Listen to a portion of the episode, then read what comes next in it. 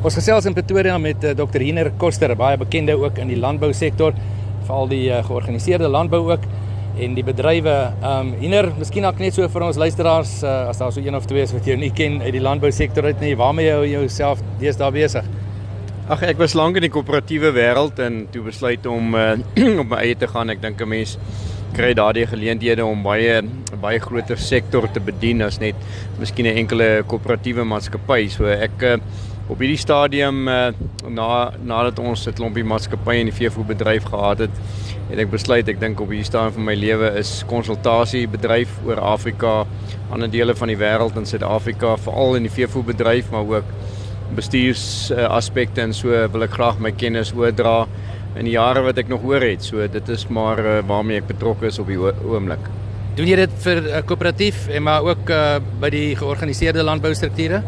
Ja, ek doen dit vir ek ek uh, vir alle strukture. Met ander woorde, enige iemand wat wil gebruik maak van my ondervinding en kennis, uh, koöperatiewe maatskappye is ek baie betrokke in Afrika, uh veral in in die verskillende diereprodusente bedrywe, so ek werk baie met hulle, maar dan ook met uh, tot selfs op die landbouprodusente vlak.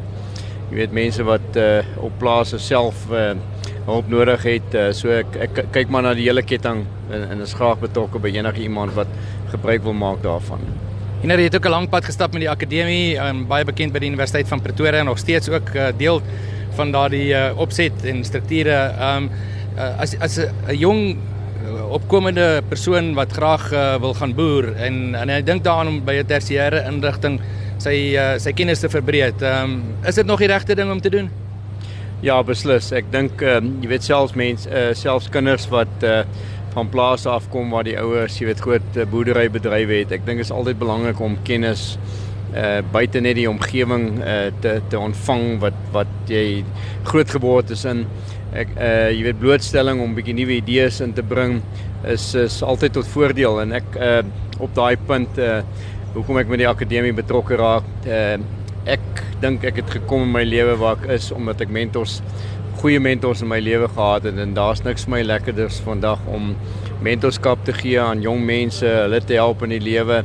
Ek dink ons moet altyd die terugploeg en en dis maar die rede hoekom ek ook in die nie net in die akademie betrokke is ook by universiteits uh, in die, op op uh, senior vlakke in die universiteitsrade en so om my kundigheid uh uh daar te help um, te gee in terme van van die seker te maak dat die universiteite nog uh uh jy weet standaarde handhaaf en die doel dien waarvoor hulle eintlik daar moet wees, jy weet. Hier nou die groot vraag. Um, ons uh, ons sien dit is 'n verkiesing wat aan die kom is. Uh, ons sien baie negatiewe dinge wat gesê word oor die sektor. Jou werk vat jou wêreldwyd, maar ook in Afrika. Maar hier in Suid-Afrika, is daar 'n toekoms vir landbou? Daar's definitief 'n toekoms. Ek dink uh, as ons dit dinge so kan hou, ek dink as die politici dalk uh, net 'n bietjie uh uitbly uit die sektor. Ek dink uh, alle rassegroepe uh werk baie nou saam. Uh dis dis net die politici wat baie keer inmeng.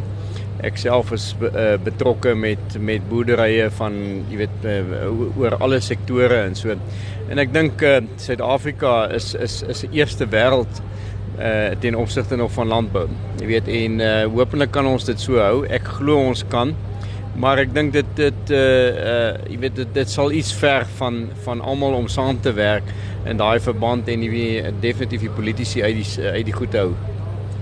Nou die uh, sterk mening kom dan ook van 'n meningsvormer en ook 'n baie bekende in die landbousektor Dr. Hiner Koster.